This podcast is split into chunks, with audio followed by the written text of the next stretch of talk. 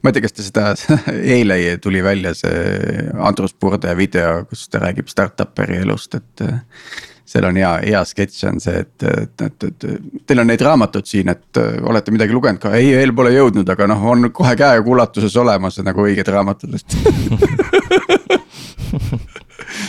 põhiliselt olemas on, on ju. ja täpselt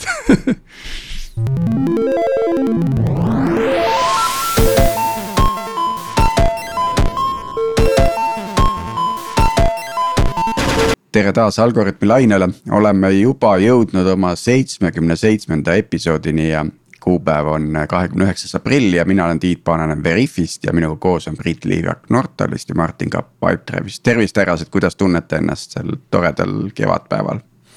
väga hästi, päike paistab ja hea on olla. kuidas, kuidas sul endal on, puhkus sai läbi? kuule, puhkus ammu läbi ja nüüd tuli, juhtus nii, et äh, tõstsime ka kuuskümmend üheksa miljonit eurot äh, no. tähendab dollarit, vabandust, äh, Veriffi. ja, ja nüüd läheb jälle hunnik tööd on ees, et, et sellega ongi põnev ja loomulikult mm -hmm. palkame, et et seda ei tasu ära unustada, et, et. nüüd saab kõvasti raha lugeda ja, ja ümber tõsta ühest no, kohast teise ja et raha pole on probleem, raha on, on probleem, kogu aeg on probleemid ainult aga lähme tänase saate juurde ja täna on meil külas äh, Indrek Peenmaa Like a Local Guide ettevõttest. Äh, ja Indrekuga siis räägime, kuidas, mis on tema kogemus oma ettevõttes ja, ja mujal ka nagu no code või, või low code strateegiat rakendada, et kuulajatele meeldetuletuseks, et viimane kord käsitlesime teemat siis äh, ingliskeelses episoodis, mis oli veidi rohkem Microsofti keskne.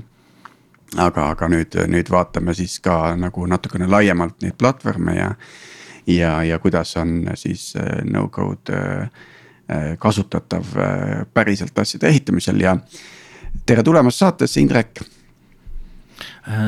suur tänu kutsumast ja, ja ma mäletan, Indrek, meil, me põrkusime kunagi miljon aastat tagasi, kui sa olid veel Oracle'is, et. räägi natuke kuulajatele, et mis sa oled teinud ja kuidas tänasesse päeva jõudnud, et see oleks huvitav kuulata. et äh, jah, ma taustalt nii palju, et ma iseenesest olen õppinud majandust, aga siis pärast ülikooli lõpetamist töötasin esimesed kümme aastat IT-valdkonnas, et äh, just majandustarkvara konsultandina. et jah, kõige pikem aeg, kuus aastat sellest oli Oracle's, et siis erinevad nii finants, CRM, logistika, erinevat tüüpi lahenduste prototüüpide tegemine, klientidele tutvustamine. Siis toimus selline väike vahetus, läksin äh, e-tervise projekti tegema, mäletan, oli just Oracle'i kümnenda aastapäeva peol, kus Tõnis Mäe tuli, küsis, et äh, et mis sa nüüd teed, et me just võitsime ühe riigihanke, HP oli see peatöövõtja, et. et aru hästi ei saa, mida teha tuleb, et raha ka nagu ei ole, et, et üks teine suur partner siin oli, aga. igaks juhuks jäi ka kõrvale, siis ma ütlesin, et sobib, et millal saab alustada, et mulle sellised nagu ebaselged esimest korda tehtavad projektid väga hästi sobivad ja siis natukene ütleme, oli see e-tervise projekt sai valmis, aga siis just tuli aasta kaks tuhat kaheksa peale, ütleme majanduskriis nagu uute projektide jaoks väga raha ei antud, siis ma töötasin kolm aastat internetikasiino valdkonnas ja. ja siis pärast seda nii-öelda üks nagu kõrvaläri, mis mul koos oma abikaasaga üks turismivaldkonnas oli, oli juba ka hakanud nii suureks kasvama. et, et valisin selles nagu põhitööks, et nüüd kümme aastat olengi olnud, ütleks selline ettevõtja arendusjuht turismivaldkonnas et äh, firma ennem oli siis Estonian Experience, mis asutati siis kaks tuhat üheksa ja äh, mida see firma teeb, on, pakub ekskursioone nii Eestis kui ka Balti mere ääres veel kümnes riigis. et äh, meie ärimudel on siis see, et me broneerime giide ja siis nii-öelda nagu nii otse kui ka läbi partnerite pakume, et aastas keskmiselt teenindame kaks tuhat, kaks tuhat kolmsada gruppi. ja nüüd kaks tuhat kakskümmend siis äh, oli meil väike laienemine, et äh, saime ka opereerimise sellisele firmale nagu Like a Local Guide, et, äh, et äh, seal on ka teisi omanikke. Firma on asutatud siis kaks tuhat kaksteist ja kaks tuhat neliteist aktiivsemalt hakkas tööle. et see firma on siis reisisoovituste platvorm et äh, a Look oli nagu idee on kogu aeg olnud sama, et, et turistid ei taha minna sinna, kus teised turistid käivad, vaid tahavad näha, mida kohalikud teevad. et äh, aga noh, mille ümber seal selline arendus ja muutused käivad, ongi, et, et kuidas siis seda nii-öelda monetiseerida, samal ajal oma siis brändile, väärtustele truuks jääda et äh, nüüd mul jah, need kaks firmat on ja siis täpselt, kui nüüd see Like a Local'i arendamine ette sai võetud, siis just tuli Covid, et et natuke aega edasi, jah esialgu lihtsalt ootasime, istusime, vaatasime, mida teha, et turismis ka firmad jagunesid äh, mitmeks, näiteks Get Your Guide. ütlesid, nemad kedagi ei vallanda, nemad hoiavad kõiki töötajaid, kaasasid kõvasti raha. noh, meie läksime pigem sihukest kaitse äh, strateegiat, et äh, ikkagi vabastasime kõik, keda noh, ei suutnud hoida, et meil nagu hästi väike tiim on alles praegu kolm inimest kahe firma peale. et aga saime EAS-i rahasid kaks tuhat kakskümmend mais kirjutasime avalduse, neli kuud menetleti, septembris saime otsuse. ja siis ma hakkasin vaatama, kuna korraga oli hästi palju aega, mida varem ei ole olnud, et, et kuidas siis võimalikult efektiivselt seda raha kasutada. ja noh, ütleme, vaatasin mobiilirakendusi, tulid seal pakkumised viiekümne tuhandega saaks sellise asja tehtud, siis mingi päris platvorm, mingid asjad, laiendused, sada tuhat. et äh, samas ütleme noh, mis nagu ettevõtjal on probleem, et kui sa tellid kusagilt, siis on selline suur armee inimesi vastas, ütleme, on nagu müügijuht, siis on projektijuht konsultant, ütleme sihuke ärianalüütik, siis on programmeerija. ja siis firma ütleb, et igaks juhuks peaks testijad ka lisama selleks, et nagu noh, nagu tulemust tuleks. et äh, kui sa nagu oled seal vastas, ütleme üksi, siis tundub selline noh, ebaefektiivne see protsess ja, ja sealt ma nagu katsusingi edasi minna, et ütleme, et, et, et mida saaks sealt nagu automatiseerida või välja jätta või abstraktsemaks nagu ära teha. ja jõudsingi septembris nii-öelda kaks tuhat kakskümmend no-code äh, teemade juurde ja vaata, võib öelda, et no-code, ta ei ole nagu üks termin, noh mina nimetan seda selleks, et mis ütleme, et lahendused, mille kasutusele võtmine ei nõua programmeerimisoskuseid, aga mis täidavad ikkagi IT-ülesandeid. et aga ta ei ole nagu ühest kohast pärit, ta on, nad võib olla nagu mitu alamteemat.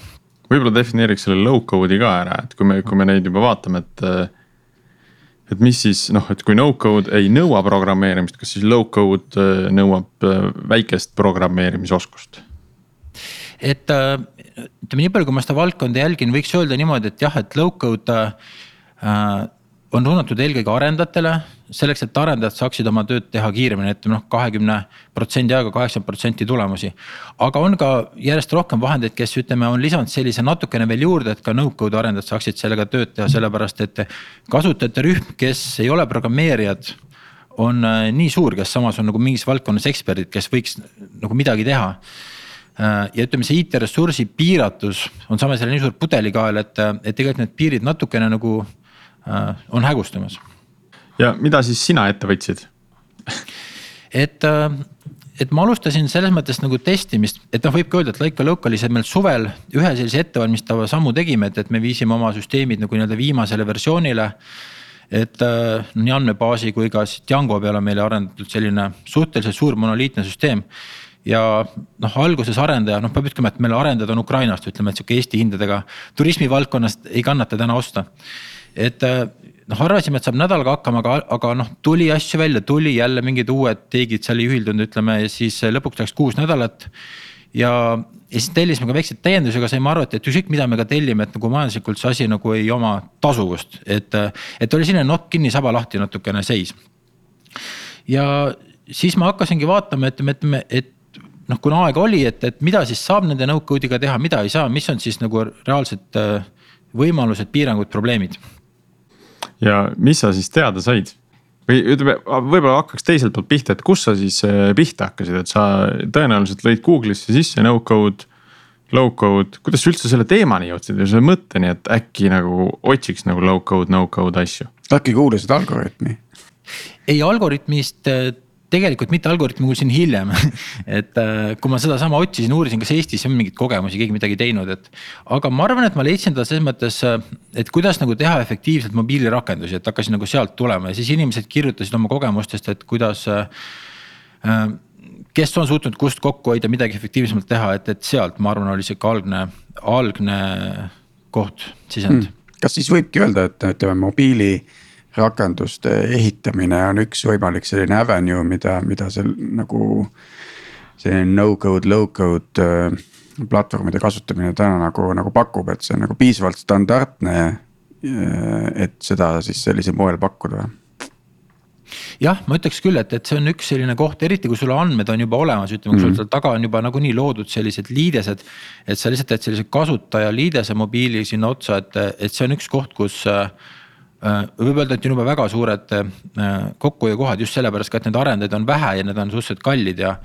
ja samas tihti, mida arendatakse, noh nagu ütleme iPhone'i statistik, iStory nende statistika näitab, et.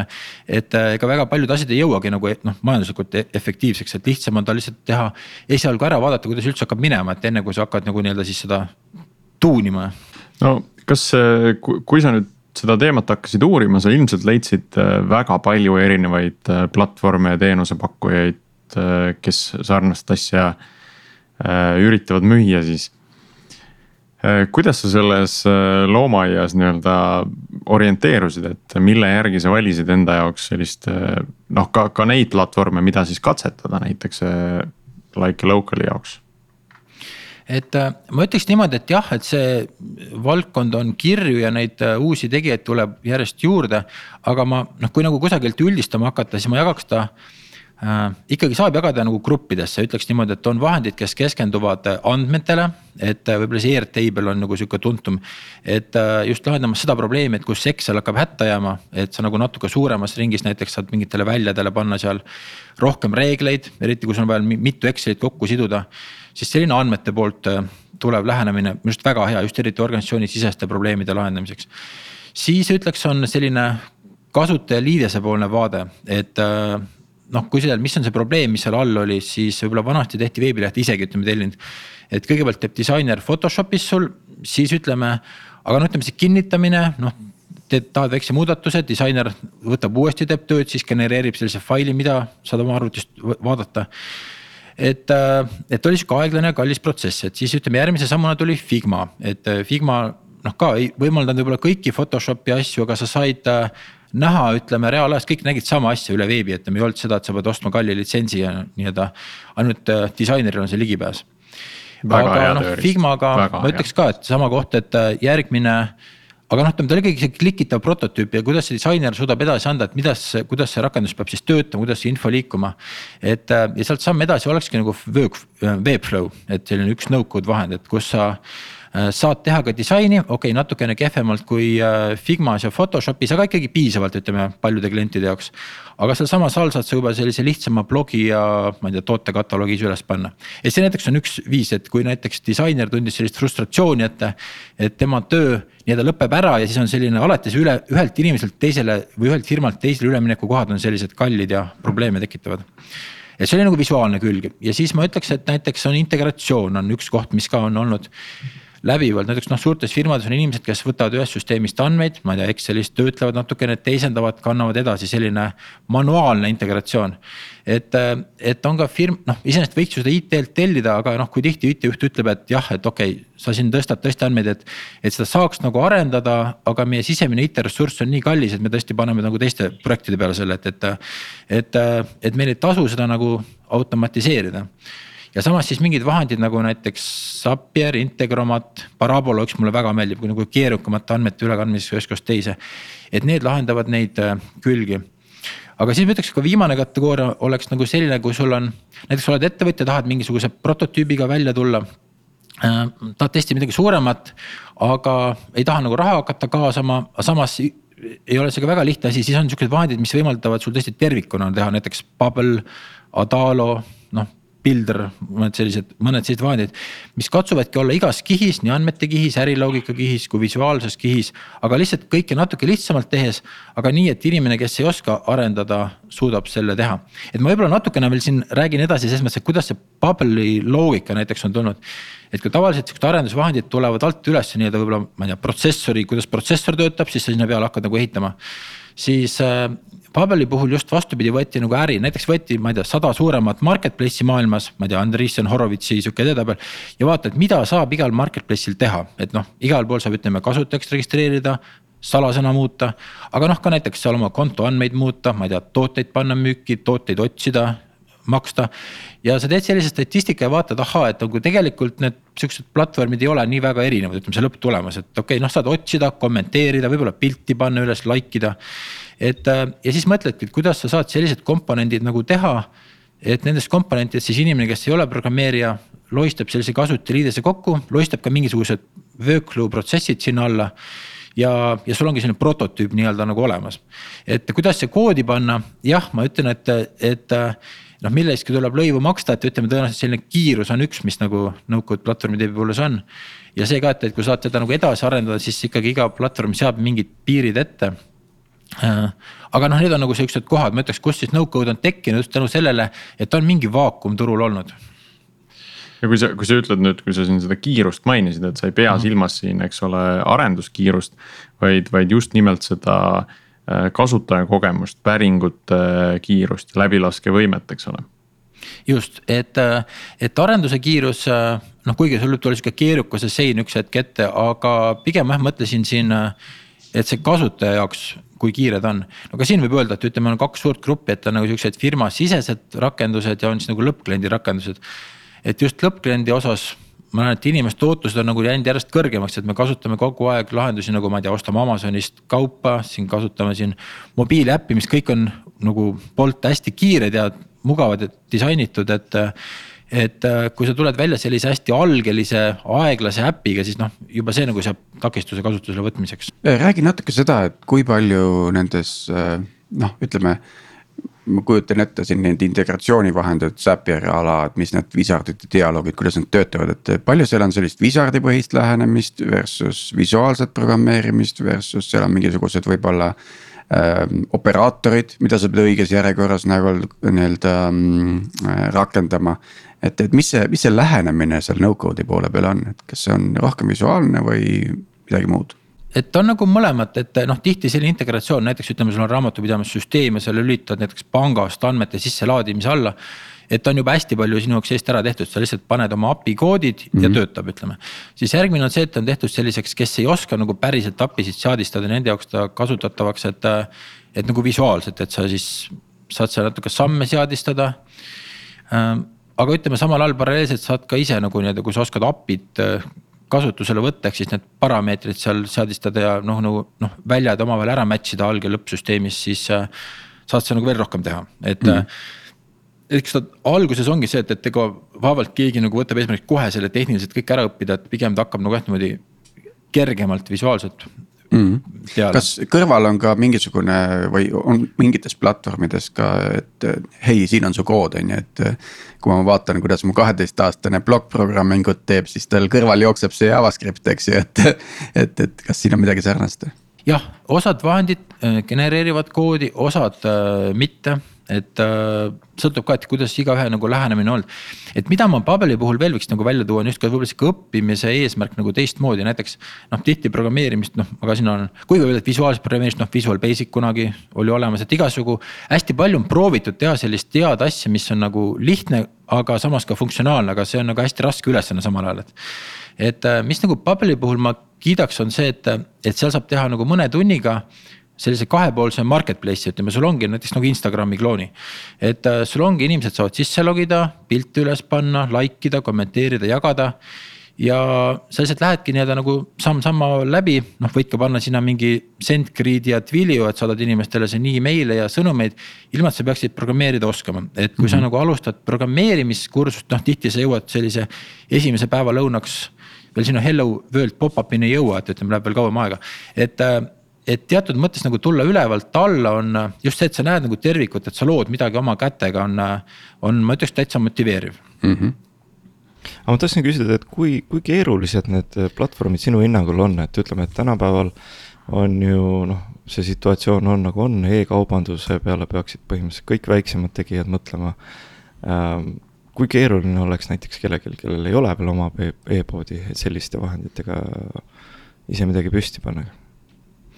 Mm, see on hea küsimus, et äh, siit tuleb tegelikult veel üks teema, mille peale ma nagu palju mõelnud, on see, et, et äh, et no-code'il on üks teatav koht, aga samuti on olemas ka nagu hästi palju SaaS rakendusi juba valmis kujul, näiteks, et kas sa teed no-code'i sise sellise mm,. noh, ma ei tea, kliendi haldussüsteemi või sa kasutad mõnda olemasolevat, et, et alati sul on ka nagu kaks sellist varianti. et, et tihti see no-code nagu läheb sinna, kus ei ole sul juba mingit olemasolevat asja ees et äh, kui sa tahad oma noh, ma ei tea. Asanas näiteks task'e jälgida, ütleme, et sa ei pea nagu no-code'ist ise nagu arendama, et, et sul võib olla mõistlik juba valmis toode võtta teisest küljest jälle, kui sul on neid asju hästi palju, näiteks sul on, ütleme võib-olla juba kümme kuni viisteist sellist äh, SaaS rakendust kasutusel, näiteks noh, emaili jaoks, ma ei tea, midagi ostukorvis, keegi optimeerib. iga inimene tahab midagi saada, tuleb, ostab krediitkaardiga ära mingi ühe kasutajalitsentsi, hästi odav sul on neid nagu viisteist tükki ja korraga pead hakkama neid nagu integreerima, sest kliendi andmed on igal pool olemas, on ju, noh korraga nad on süngist väljas et, äh, et sellisel juhul võib olla nagu mõistlik, et sa teed nagu ja sa igalt poolt kasutad mingit viite protsenti. et võib olla mõistlik, et sa võtad siis selle, ma ei tea, poole sellest teed no-code'is ise ja poole kasutad siis nagu väliseid asju, et ta on alati selline noh. Case by case, et ei ole nagu sihukest ideaalset asja. et nagu veebikaubamaja ma päris ei teeks nagu näiteks no-code'is, et võib-olla sellised alternatiivid, väga head alternatiivid on nagu noh, piisavalt palju turul olemas no selle Bubble'i kohta sa oled äh, ka siia kirja pannud või, või siia selle Bubble'i enda status page'i äh, lingi pannud mm.. Äh, kus siis, et, et mediaan end-to-end lehe laadimisaeg on kuus sekundit. et see mm. on ikkagi nagu üsna raju load time, et. Noh, et, et selle peale nagu väga sellist avalikku asja ehitada ei tahaks et ta on nagu probleem, samas jälle, kui näiteks ütleme, su roll on selline andmete ülekandmine ühest rakendusest teise firma sees. siis sinu jaoks seal nagu load time ei ole nagu nii suur probleem, kui sa suudad päeva jooksul palju rohkem asju ära teha näiteks mm, -hmm. et see sõltub nagu olukorrast jah või näiteks ma ise arvasin, et hästi palju tuleb selliseid, äh, ma ei tea, nišš marketplace'e, kus sa nagu hästi palju aitad kaasa nende kontaktide ja match'ide loomisele selliste bubble'i vahenditega, mida nagu kuna see turg võib-olla on nii väike, et ütleme, tavaprogrammeerimisega ei tasu teha, aga kui sul on selline vahend, et sa ise teed ta nagu sellise marketplace'i, et on piisav, piisavalt hea, et noh, seda samas ma näinud ei ole nagu päriselus. üks selline hüpotees, mille kallal ma siin paar aastat, juba tegelikult mõni aasta olen, on pead murdnud, et kas see, kas see täitub või mitte, on see, et. et kui me vaatame, kuidas inimesed on kolinud eh, tööpingi tagant kontorisse ja siis kontorist nagu internetti ja kuidas nad ennem ehitasid käekatsutavaid asju, nüüd nad ehitavad virtuaalseid asju. Ähm, mis eelkõige on nagu sisu loomine või, või kommunikatsioon peamiselt on nagu töö, tööd nime saab niimoodi nimetada. et siis, et kui nad ennem lõid dokumente, et kui nad nüüd hakkavad tulevikus looma teenuseid, kas see on midagi sellist, mis sa sa näed, et see no code, low code äh, vahendid nagu suunavad ka inimesi sinnapoole, et nagu neil tekiks nagu. noh, ma ei tea, palju ma dokumente olen elus loonud, noh tõenäoliselt nagu sadu, ma arvan, kui mitte tuhandeid, eks ju. et, et kümne aasta pärast on mul näiteks sada viiskümmend teenust töös. ma arvan, et see on tegelikult väga hea näide, sest jah, tavaliselt ütleme eelnevalt, kui sa, on mingi asi vajab tegemist, haarad kas Wordi või Exceli mm., et äh, aga noh kui see on ainult sinu enda jaoks, siis ta on hea, aga ütleme, kui see on sihuke ikkagi organisatsiooni mõistes mingi asi, siis äh, just sellise nagu mikroteenuste või sellise väikse asja, sa nagu tead täpselt, mis sa teha tahad, ütleme, kui sa ja sa suudad nagu sellise input output'i kuidagi nagu ma ei tea, kas siis IT-ga kokku leppida või määratleda, et, et sest see on ka nagu tehtav, ütleme, ta ei ole ka nagu liiga keeruline, ka need nagu vahendid, millega saab sellise API luua sinu teenusele, ka neid nagu tuleb järjest juurde, needki ei ole enam kallis. ma arvan küll, et, et, et selline organisatsiooni nagu mõte ja sihuke kultuur, et, et ta läheb nagu väiksemateks teenusteks teatud kohtades, tõenäoliselt mitte kõikjalt, aga, aga on nagu üks tulevikusuund. okei okay,, aga vaataks nüüd sinna like a load Pikal guide'i mm. sisse veidi, et kindlasti ähm, kuulajaid ja arendajaid huvitab ka, et kuidas see setup on äh, üles ehitatud, et, et, et äh, natukene. mida, mida sa sellest loomaaiast siis välja valisid? jah, et me tegelikult võiks täna rääkida võib-olla pärast, et teisest platvormist ka Nordic Experience, kuna seal ja. on ka meil nagu hulk asju, mida me ka arendame ja üritame nagu no code'i peal rakendada mm. -hmm. aga alustame sellest äh, Laika Localist, et aga ma ütlesin, et tegemist on siis Postgres andmebaasi peal oleva Django rakendusega, mida on arendanud äh, noh, praeguseks ütleme üks neli tiimi, et hetkel mul on siis selline äh, on nii-öelda freelancer eid, on firmasid, et praegu on üks sihuke väike firma Ukrainast. kusjuures just vaatasin, et Ukraina on meie jaoks üks oluline koostööpartner, et kui näiteks vaadata, kuhu Tallinna lennujaamast lennata saab, siis. seal on kakskümmend kaheksa kohta kirjas praegu, et, et kolme kohaga ongi ees, ongi Ukraina ja Saksamaa, et, et. et Harkov, Lvov ja Kiiev, ütleme, et meie tulevik, aga äh, et jah, et aga miks sealt ütleme, sest et äh, noh, ikka nagu Ida-Euroopast vaatad, et, et Eesti läheb kalliks, ütleme, siin on selline konkurents ka suur. ja, ja aga noh, millest ta nagu koosneb, võiks öelda, et, et äh, on sellised alamosad nagu näiteks äh, äh, reisisoovitused et seda võiks vaadata nagu Tripadvisorit, et seal on, et nad istuvad seal andmebaasis, siis need pildid istuvad meil Linode äh, object storage peal. Ja siis äh, nii-öelda Django äh, front-end siis näitab äh, noh, paneb selle siis jooksvalt kokku. et ei ole väga palju personaliseeritust, et seal saab nagu märkida favorite'iks mõned ja siis nagu like'ide arvu järgi. aga pigem täna me näitame suhteliselt staatiliselt kõigile samu soovitusi, ehk siis, et kui sa oled nagu selle platvormi kasutaja nagu grupiga lähed hästi kokku, siis see info sobib sulle, aga kui sa oled natuke nagu erinev või kui sa näiteks kasutad juba tükk aega. Siis äh, noh, me täna nagu veel ei oska dünaamiliselt seda järjekorda kasutajate järgi muuta Äh, ütleme sihuke reisisoovituste osa toob meil orgaanilist liiklust, et enne siin nagu ütleme eelmine suvi, noh muidugi turism on hooajaline, aga ütleme eelmine suvi oli seal suurusjärgus viissada tuhat äh, unikaalset külastajat kuus lehel, mis on nagu päris palju. et äh, inimesed otsivad, et tegelikult selline reisiinfo otsimine on noh, kui nüüd öelda, et asi, mis võtab väga palju aega väga paljude inimeste elust mm. -hmm. ja on öelda, et nagu see on tõesti probleem, sellepärast et noh, miks otsitakse, on see, et, et sellist personaalselt väga head just sinu jaoks sobivat infot ei ole lihtne leida. mõnele väga meeldib ka see otsimine jah, mõnele meeldib, aga samas jälle no vaata, lähed Pariisi, vaatad viis tuhat restorani Tripadvisorist, noh mingi, kuidagi sa pead hakkama seda nimekirja endaks nagu, nagu lühemaks tegema, et ja siis on meil, ütleme tuuride osa, et on see, kus noh, tuuriekskursioon, operaatorid erinevatest linnadest saavad siin müüa ekskursioone platvormil ja meie siis võtame vahendustasu keskmiselt siis kakskümmend protsenti. ja on olnud seal ka aja jooksul erinevaid katsetusi nagu Foorum, ütleme, et inimesed küsivad soovitusi mingite linnade kohta näiteks, et mida saab äh, teha Tallinnas, mida saab teha Berliinis. ja saan ka, saad lihtsalt suhelda inimestega, et nüüd ongi meil see, et, et me ka katsume natukene vähendada seda andmehulka, sellepärast et see firma ei ole nüüd nii suur, ütleme. et, äh, et kui põhiasi nagu head reisisoovitused, mis ei ole siis nagu, nagu Google'is, kus on kõik maailma asjad olemas, vaid ütleme, et äh, ongi valitud just kohalike ekspertide poolt mm. -hmm. ja siis need ekskursioonid, äh, mis mida saab siis broneerida, et selles mõttes on nagu lihtne, et jah, et meil on olnud nagu raha teenimise mõttes seal ka teisi katsetusi, näiteks Google AdSense aga noh, samas jälle tohib selle platvormi kvaliteedi alla, et näiteks eriti just praegu järjest rohkem on, no korraga need turismireklaamid kadusid ära eelmine kevad. olid retargeting reklaamid ainult näha, mis vaat jälitavad sind igal platvormil mm -hmm. kogu maailma. et, äh, et see viib kasutajakogemust kohe alla, et äh, ja siis samuti me on meil nagu nii-öelda affiliate deal'e mõnede teiste väliste firmadega, et äh, nagu piletimüük või on mm. teised reisibroneeringud.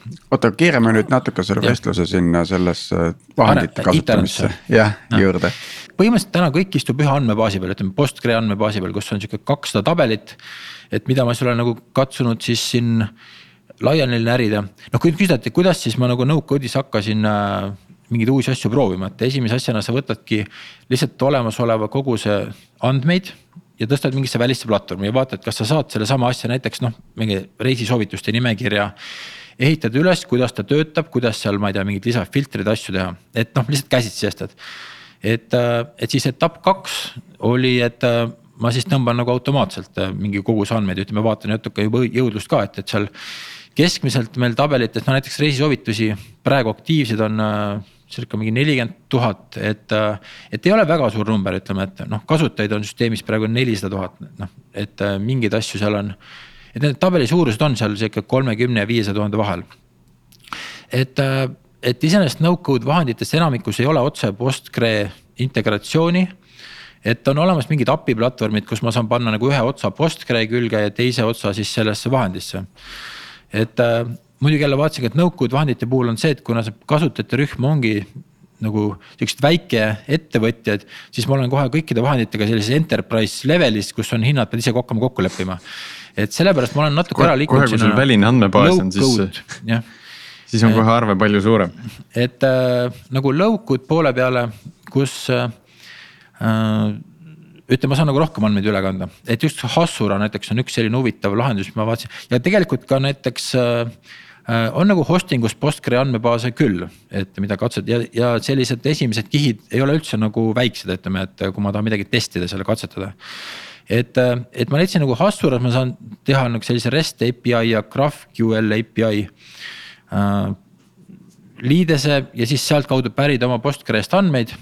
et algul ma proovisin ka üle viia mingitesse andmebaasidesse no-code andmebaas sidesse.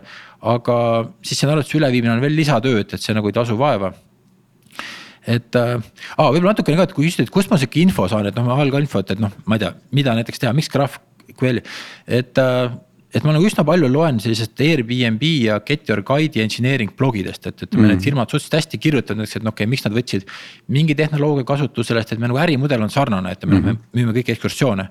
ja tihti need engineering blogid on nagu väga head, et noh, okei okay,, ma ei saa võib-olla kõigest aru näiteks, aga näiteks keegi kirjutab, et vot, et.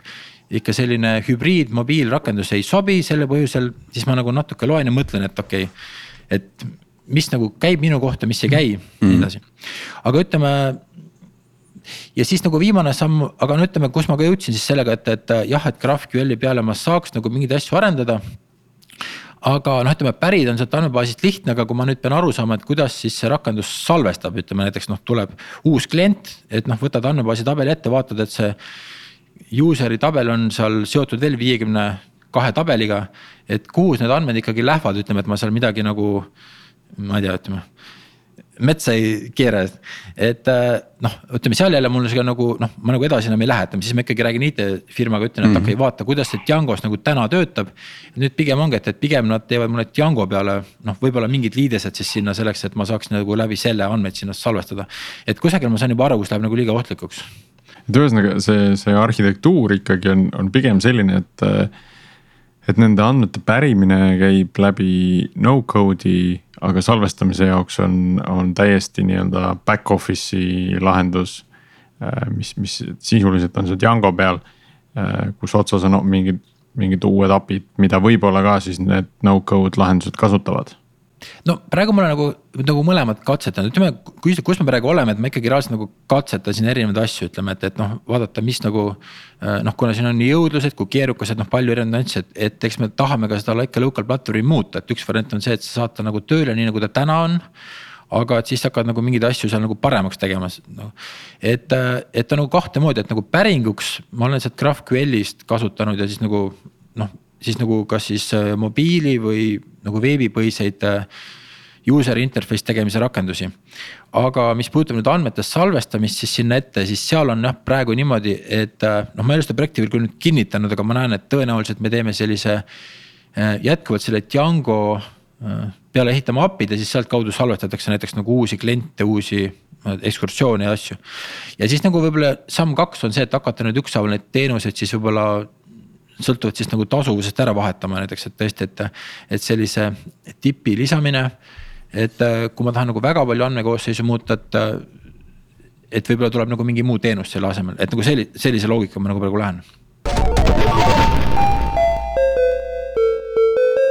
kas sa oled nagu mõelnud selle peale ka, et et kas sa otsid ikkagi sellist ühte no-code platvormi või, või oled valmis äh, sinna taha võtma ka palju erinevaid teenuseid või noh, mitte palju, ütleme mitu erinevat teenust siis.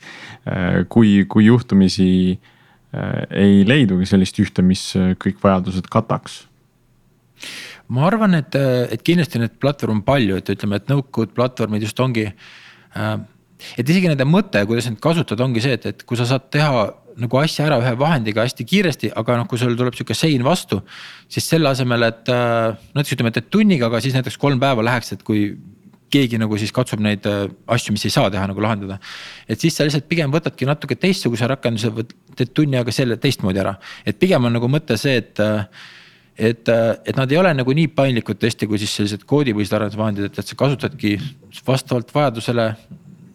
Erinevaid, erinevaid lahendusi. jah kuidas sul noh, kui sa neid erinevaid äh, lahendusi vaatasid, et äh, kuidas sul selline debugimise või probleemide otsimise äh, kogemus jäi, et noh tundub täitsa nii, niipidi minu jaoks, et sa teed selle päringu või sa teed sinna mingi seadistuse ära ja siis ühel hetkel avastad, et see ei tööta.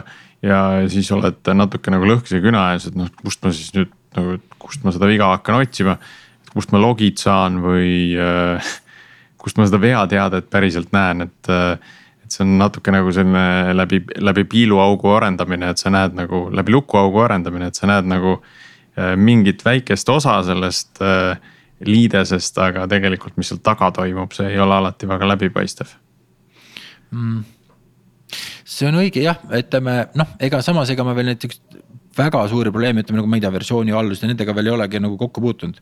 ütleme selles faasis, et noh, tihti need noh, päris alguses nagu ei tule. aga äh, suur osa vigadest jääb ära näiteks seetõttu, et äh, et need vahendid ei lubagi sul neid vigu teha, näiteks mm -hmm. ütleme, kui noh, võrrelda jälle mõne muu arendusmetoodikaga näiteks, kus sa arendajad laadivad GitHubist endale hulga äh, programmijuppe, siis nii-öelda midagi teevad, siis näiteks kaks aastat läheb mööda, vaatavad mingid asjad, ütleme, on nagu muutunud, mõned ei arenda edasi ja sa lahendad, ütleme selliseid probleeme, et äh, neid pigem nagu no-code'is ei ole, et, et sellepärast, et see platvorm ise noh, peidab need sinust ära, ütleme sellised aja jooksul ühilduvuse. või sa näiteks noh, toksid süntaksi valesti, näiteks jätad, paned vale sulu ja. et selliseid noh, sellist tüüpi vigu nagu pigem need vahendid ei luba sul teha et äh, noh, loogikavigu kindlasti sa saad teha, ütleme iga nagu vahendiga, et ütleme neid sa peadki siis äh,. Neid on üldse nagu raske leida, ütleme, et, et noh, kui kui äh, äh, tulemus tuleb, aga siis sa nagu ei saa aru, et, et, et ja ei saa aru ka, et mis peaks nagu täpselt tulema, ütleme, et, et äh,. et on teatud määral selline äh, testimise, noh, saab nagu vahetulemusi etappidel näha, kui mingi workflow töötab, aga. aga ma ei ütleks, et see need tõesti nüüd väga arenenud on ja samuti ka võib-olla nõudlus või need inimesed, kes neid kasutavad, ei ole nagu väga sellele nagu mõeldud. et ikkagi need no-code tiimid on ka päris väiksed, ütleme, et, et, et palju tihti see testimise asjad on ka, tuleb nagu suuremate gruppides, kus inimesed omavahel nagu peavad aru saada, kuidas see asi läheb ja. et tulevad ka seal välja mm.. kas sa ütlesid kasutajagruppidest just äh, mainisid, et kas on äh, olnud ka abi mingi platvormi juures toimuvast community'st nii-öelda, kes, kes äh, toimetab ja, ja, ja, ja. või kas need on, eksisteerivad sellisel kujul, noh, et arendajad on hästi tugevalt on nii-öelda omavahel äh, jagavad äh, infot, aga kuidas see no-code arendajad omavahel toimetavad? et on küll, on nagu väga aktiivsed community'd ja muidugi paljud vahendid, mida ma kasutan, mis tunduvad nagu ütleme, olevat sellised noh eesrindlikud nõukud valdkonnas. aga noh, kui neil on nagu iganädalane selline äh, ma ei tea, nagu tunniajane kõne, kus sa lähed kohale, saad nagu rääkida ja küsida ja seal on olemas ka kogu firma eesotsas kõikide töötajate ja osanike ja juhatajatega kohal. see näitab mm., et need firmad on ikkagi pigem suhteliselt väiksed, ütleme, et, et nad, et saad rääkida kohe arendajatega ja saad rääkida noh kohe ongi, mis siis nagu suund võiks olla ja noh, nädala pärast on võib-olla osa seda juba ära tehtud mm., et, et kuigi noh, mõned vahendid nagu ütleme siin Webflow ja Airtable on juba ka noh suuremad ja mm -hmm. ka kaasavad ka kõvasti raha, ütleme, et, et. et aga community'd on ja on väga aktiivsed ja huvitav just see, et, et seal community des on ka nagu jah, mitut, mitut tüüpi inimesi. kuigi võiks öelda, et, et kui nüüd sul natuke keerukam küsimus on, siis väga tihti noh, ka sealt community dest ei pruugi abi leida, ütleme, et, et pigem on just siukse alustavate küsimuste ümber. selliste väikeste ettevõtete puhul võib alati tulla see hirm, et, et ühel hetkel sa lähed sinna koosolekule iganädalasele ja siis öeldakse sulle, et sorry, aga täna viimane koosolek, et me nüüd paneme poe kinni. kas jah, et kuidas need riskid nagu maandatud on, et siis, siis tuleb hakata kogu oma no-code asja kuskil mujal seadistama ja seda ringi tõstma? jah, riskid on olemas, eks noh, kuigi täna tundub, et on veel jätkuvalt see faas, kus kõik muudkui kasvab, et aga. no aga ma ütleks selle nüüd niimoodi, et kui sul on andmed kusagil, see on nagu suurem probleem kui siis, kui sul see kasutajaliides nüüd korraga noh. ütleme, teed ta nagu uuesti siis sellise, et, et seal on nagu riskid võib-olla väiksemad. et ma isegi vaatan, et pigem nagu andmeid, ütleme suures mahus ei taha kuhugi jätta sellisesse tundmatuse kohta mm. -hmm aga nüüd, kui me, kui sa vaatad oma kahte ettevõtet ja, ja sa oled seda nõukogude strateegiat seal rakendanud jõudumööda ja palju siis, ähm, palju siis oled säästnud, kui seda üldse saab kuidagi kokku arvutada? no mõnes mõttes on seda veel natukene vara kokku lüüa, teisest küljest küsimus on mm, võib-olla ka nagu laiemalt natuke see, et, et, et kui sa arendad mõnda sellist äh, edukat ettevõtet, et kas see koodi kirjutamine jääb nagu sihukese kriitilise tee peale, kui sa tahad edukaks saada. et, äh, et täna nagu see äh, vastus on, et pigem nagu jääb, et äh, noh, ma ütlen, kui ütleme, sa nagu firmana lähed nagu esimene suur lahinguplats, kus käib suur võitlus arendajate pärast. noh, mõni tõstab vahepeal raha juurde, lahing läheb jälle tõsisemaks. et siis minu nagu see mõte või loogika on see, et, et tahaks üldse nagu võimalikult väikeste kahjudega sellest, sellest lahinguplatsist kuidagi nurgaga, kaarega mööda minna, et nagu järgmisele mm -hmm. lahinguplatsile, kus ütleme, ma saan nagu turismifirmadega konkureerida. et, äh, et no code nagu paljuski selliseid asju aitab, et ma ei pea nagu just, et ma saan nagu osta sisse teenusena mingeid asju nagu nii andmebaasi ülalpidamist, noh, ei ole vaja andmebaasi administreerimist näiteks mm, -hmm. ütleme noh, see on ja ja selles mõttes ma näen, et, et on pikaajaline strateegiline väärtus väga olulisel määral olemas. Et noh, kui küsid, palju siis tulud on suurenenud, noh, oleme turismivaldkonna firma, tulud on vähenenud et, et võib-olla mõne aasta pärast saan nagu öelda. aga räägime korra sellest low code'i poolest ka mm. -hmm. kui palju sa sinna, sinna maailma sisse vaatasid ja, ja, ja mis, mismoodi see siis äh, erineb, on võib-olla parem või halvem äh, no code lahendustest? et ma olen nagu vaadanud neid low code'i asju, mis on nagu siis koos, ütleme noh, mis on siis nagu low code, aga ka no code inimestele kasutatavad, et äh,. ja ma ütleks, et mulle tundub, et äh, et see on ka nagu väga oluline kasvav selline segment, sest et äh, noh, ma mõtlen, et miks, mis IT-firma ei tahaks nagu, et äh, sama ajaga saaks rohkem tehtud. et äh, ja noh, võib-olla siin natukene on see, et kui ma näiteks ka IT-firmadega olen siin küsinud või uurinud, et tegelikult need arendusfirmad no-code'i peal ja arendusfirmad koodi peal on suhteliselt erinevad, ütleme, et näiteks noh koodifirmad, ka see, et noh, projekt kestab seal, ma ei tea, kuus kuni üheksa kuud, on ju. et no-code'is tehakse projekt pigem sihukene nelja kuni kaheteist nädalane sihuke prototüüp. et äh, juba see lähtepunkt ja see, et kuidas nagu asju arendatakse ja see, kuidas see, et sa pead mõtlema, mida sa endale arendajatele tööks annad, ütleme, et kui ta nagu hästi ruttu selle ära teeb. et äh, aga noh, samas jälle, kui sa nagu ruttu ära teed, siis mingil määral sa ikkagi maksad nagu lõivu, et see klient ka nagu aru saama, et okei okay,, et, et midagi on siis selline nagu piiratum. et, et see kliendi teadlikkus on ka nagu natukene noh, oluline, ütleme selles nagu punktis. et noh, mina nagu maksaksin selle eest, et mul lihtsalt koodi eemaldatakse, midagi asemele pandakse, aga noh, pigem ma arvan, et kui tüüpiliselt vaadatakse, et noh, koodi kirjutamine on nagu töö, see on see, mis väärtust loob, et, et. aga no code, low code'i juurde tagasi tulles, et ma arvan, et firmad nagu panustavad, noh, teevad nagu õigesti, et kes nagu võimaldavad arendajatel kiiremini ja mugavamalt tööd teha, et.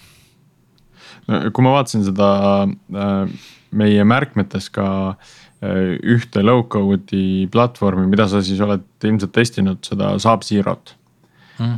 ja nende pricing ut, siis nende pricing on üliodav, noh, see on mm., siin on miljon API request'i päevas saad tasuta. ja ja kui ma vaatasin nende sellist äh, getting started guide'i, et siis tundus, et noh, seal sellist koodi osa tegelikult oli päris vähe, et noh, GraphQL-i ja SQL-i natukene äh, peab võib-olla oskama. et äh, ei, ei olnud nagu väga, et pead kõvasti koodi kirjutama, et pigem sellist ma ei tea, konfiguratsiooni faili laadset asja defineerima. ja samal ajal tekkisid ka võimalused näiteks testide kirjutamiseks ja auto, automaattestimise lisamiseks sinna peale mm.. mis tagavad siis selle, et su API päriselt tagastab neid andmeid, mida, mida sa tahad, et et see tagastaks, et sa saad nii-öelda päringuga valideerida, SQL päringuga valideerida seda API tagastatud andmete hulka. see on nagu hea näide, et see on sihuke üks väike Rumeenia firma, et kes selle taga on, et ma ka nagu suhtlesin nendega natukene. et minu jaoks ikkagi see, et kuna seal tuleb, ütleme ei ei ole nagu kõik automatiseeritud, ise ütlevad ka, et, et see on sellisele low code arendajatele, et sa pead GitHubist midagi seal endale alla laadima. ja siis me selle Aus, Aus Zero'ga integreerima seal neid sertifikaate, et seal ikkagi midagi natukene oli, et ma sain aru, et, et see on tõenäoliselt koht, kuhu ma peaksin minema, kui ma olen natukene skaleerunud, aga noh, tänases faasis ma saan ka selliseid, mis on võib-olla tuhat korda kallimaid no-code rakendusi kasutades ikkagi oma asjad tehtud mm. -hmm tuhat korda, ma ütlen mitte kallim, mitte kallim, aga ütleme, et kus nagu see tasuta kiht on siis võib-olla tuhat korda väiksem. Indrek, sa oled nüüd siin maailmas olnud äh, laias laastus selline, mis ma ütlen siis üheksa kuud või äh,? nagu ja, selle valdkonnaga tegeleda. seitse, ütleks seitse kuud. seitse kuud, et, et kas sul on mingisugune mulje tekkinud, et äh, mida me siis tulevikus näeme? et, et äh, ja sa oled noh, nende asutajatega ka personaalselt suhelnud, et mis, mida nad nagu mõtlevad äh, sellega edasi teha? Mis nende ambitsioon on? no võiks öelda, üks probleem, mida nagu nõukogude proovib lahendada, on see, et, et ikkagi programmeerida oskab suhteliselt väike osa inimkonnast. et, et seetõttu see saab piirid, mida nagu saab teha, ütleme just see, et, et nagu Wordi ja Exceli ka saab väga palju asju ülejäänud, osa inimestest ära tehtud, aga ikkagi sealt edasi minnes tekib selline barjäär ette. Et, et see, et no küsida, et mis nagu juhtub, ma arvan, et üks suur asi on see, et organisatsioonide sees sihuke IT-arendus, äh, sihuke sisemine tellija IT-organisatsioonidelt, et seal toimuvad nagu kõige kiiremini muutused mm, -hmm. et. et, et IT-l ei ole mõtet sinna nagu ressurssi panna, eriti kui seda rakendust kasutab, ütleme sihuke kolm-neli inimest, et see et kui sa teed nagu lõppkliendile nagu sihukest asja, siis okei okay,, et kui sa teed nagu hästi, siis see klientide arv ka kasvab, aga noh, sihuke sisemine IT, seal ta ei kasvagi, ütleme, ta ongi sihuke väike. et seal kindlasti muutub, et organisatsioonid äh, hakkavad efektiivsemalt opereerima. Äh, siis äh, ka selliste esimeste prototüüpide tegemine, ka võib-olla see, et sa ei lähegi sellega laivi, aga sa teed sellise prototüübi, sa näitad nagu oma IT-partnerile või siis sellise, et noh, mida sa hakkad nagu siis tegema või enne raha tõstmist, et kui sa. kui sa räägid lihtsalt juttu on üks asi, kui sa teed sellise mini prototüübi on nagu palju selgem arendajal ka, et mida ta peab tegema hakkama. et, et ka see koht muutub ja ta toob natukene selliseid inimestevahelisi nagu asjade üleandmisest tingitud barjääre, et noh, mul endal tuleb just meelde üks projekt, mis me tegime neli aastat tagasi, et, et et äh, uuendasime natuke Nordic Experience'i sellist äh, nagu veebilehti visuaalset poolt ja mõtlesin, et teeme siis nagu suuremalt natukene. et üks firma, et mäletad, et Velvet tegi siis sellise brändingu ja visuaalse identiteedi, siis äh, Ogia tegi nagu nii-öelda veebidisaini ja siis üks veebsüsteem, siis kolmas firma pani siis nagu veebile kokku. et kõik targad inimesed ütlesid, et ära, ära nüüd niimoodi küll teed mm, -hmm. et ei ole mõtet, et nagu, nagu see tööd jagada, aga noh, ikka tahad teada, ütleme, et kuigi tead, et tõenäoliselt võib-olla on probleem, aga noh, inimene uudishimulik ja, ja noh, tagantjärgi ütlen tõesti, et, et ei tasu nagu niimoodi teha, et iseenesest need firmad, kes igat etappi teevad, on head, aga. see kadu nii-öelda andmete üleminekul ja eriti see, et kui sa pärast nagu uuendad, ma nagu ei jätka suhtlemist kolme firmaga, et, et ma. et, et see nagu no-code aitab just niuksed nagu teha lihtsamaid asju niimoodi, et sul ei ole vaja nii palju üleandmist ühelt inimeselt teisele, et, et ka see muutub, kas noh, head programmeerijad jäävad hinda ja kas nõudlus nende järgi väheneb, noh jätkuvalt jäävad. kuigi ma arvan, et ka nagu suurfirmades, kus täna nagu hästi palju raha tõstetakse, ikkagi mingeid asju seal sisemiselt, ma ei tea, marketingi töö ümber näiteks, et läheb low code'i peale, et, et, et noh, seal ei ole vaja nagu nii-öelda kogu arendusressurssi. aga noh, näiteks Airbnb ütles ka, et, et noh, et neil nagu React Native'iga tehtud äh, äh veebileht ja mobiil, et, äh, et noh, mõni konkurent, kes äh, on nagu native'i peal teinud mõlemad asjad eraldi Androidi ja iOS-i olnud parem ja nad ütlesid ka, et, et ütleme, seal nad lähevad seda viimast, ma ei tea, kümmet protsenti taga ajama lihtsalt sellepärast, et konkurents ja see nagu on seda väärt et äh, nii nagu SEO-s näiteks ka, et, et noh, et SEO-s ka pigem need, kes on seal eesotsas, konsultandid kasutavad sul kümmet rakendust, sellepärast et saada selline lisa kümme protsenti eelist. sest et noh, kas sa oled kohal number üks või kohal number kaks on nagu vahe suur, noh ise või klient, ütleme. et, äh, et jääb igasugu asju, mida me siin saame näha. üks, üks huvitav mõte, mis äh, mul veel tuli, oli sellise noh, SaaS äh, moodi teenuse pakkumine no-code'i peal. Et kui need ettevõtted on nii väikesed, siis on ju täitsa võimalik eh, ka enda toodet arendada sinna no-code'i peale. ja seejärel müüa seda nii-öelda kliendile sellisel kujul, et sa annad selle tervikuna üle ja ta saab selle võtta, kohandada, aga tal on see põhi juba all platvormina. Eh, tähendab, põhi on all, mis eh, siis on ehitatud mingisuguse no-code platvormi peale. aga tema jaoks on see start oluliselt kiirem ja, ja võib-olla sellega tuleb kaasa siis ka arendus- ja haldusteenus, kes siis aitab edasi seda seadistada ja, ja selliselt teenust pakkuda ma olen täitsa nõus sellega jah, et see on ka üks koht, kus eriti kui sul ei ole nii-öelda tiimis täna tehnilisi inimesi. aga sa tahad juba alustada ja proovida midagi, et, et siis äh, teed selle ise no-code'i peal. me siin oleme tegelikult selles samas teemas rääkinud varem ka sellisest digitaalsest prügist, eks ju, mis nagu võrgus liigub, et et äh, ma mäletan, Sergei ütles, et äh, nende API kasutusest on märgatav hulk äh, täiesti mõttetu, ühesõnaga et see. tegelesid sellega. jah, et Martin, ma ei tea, kas sul on viimane info, et, et palju teil nagu Zapier nagu pommitab, mis tegelikult nagu ei lisaväärtust ei pommitajale ega ka teile, et ma, ma ausalt öeldes ei oskagi isegi praegu öelda, aga see tõesti oli, on olnud nagu probleem jah, et äh, kõik integratsioonid on tehtud, andmed liiguvad, aga tegelikult võib-olla mõni inimene ainult kasutab seda, et. jah, et see on create and forget, et, et. no meil ka Laika Localis noh, üks probleemne koht on see, et ütleme, kui inimesed, sihuke user generated content, et inimesed laadivad igasugu asju ülesse sinna noh, pilte tuleb muudkui juurde, aga noh, tegelikult sihukest protsessi, kuidas seda maha võtta nagu, nagu algusest keegi ei arendanud, ütleme, et. et praegu vaatad, see andmebaas noh, noh, ta ei ole nüüd väga suur, ütleme mingi sihuke viissada gigat, aga ei ole ka väga väike, ütleme, et ja.